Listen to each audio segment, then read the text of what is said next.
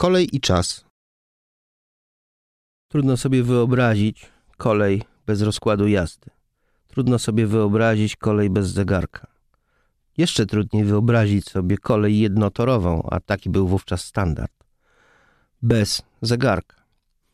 Ale problem z czasem jest taki, że czas bywał różny. Ludzie regulowali czas, regulowali swoje zegarki na podstawie zegara na wieży ratuszowej albo wieży kościoła i te czasy w poszczególnych miejscowościach leżących wzdłuż tej samej linii kolejowej bywały różne. Kolej, z uwagi na bezpieczeństwo podróży, właśnie po tych jednotorowych szlakach, musiała trzymać się ścisłych rygorów czasowych, musiała narzucić te rygory zwykłym ludziom. Pomógł w tym telegraf.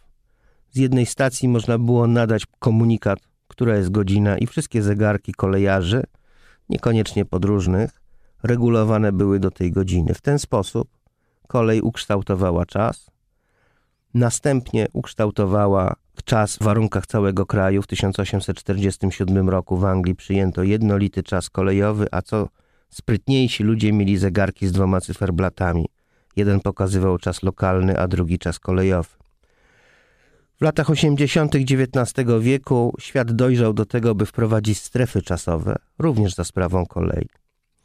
Oczywiście użytkownicy rozkładów jazdy w Królestwie Polskim mieli poważny kłopot, dlatego że pociągi lokalne jeździły według czasu warszawskiego, natomiast pociągi dalekobieżne według czasu petersburskiego i oba te czasy trzeba było przeliczać w pamięci.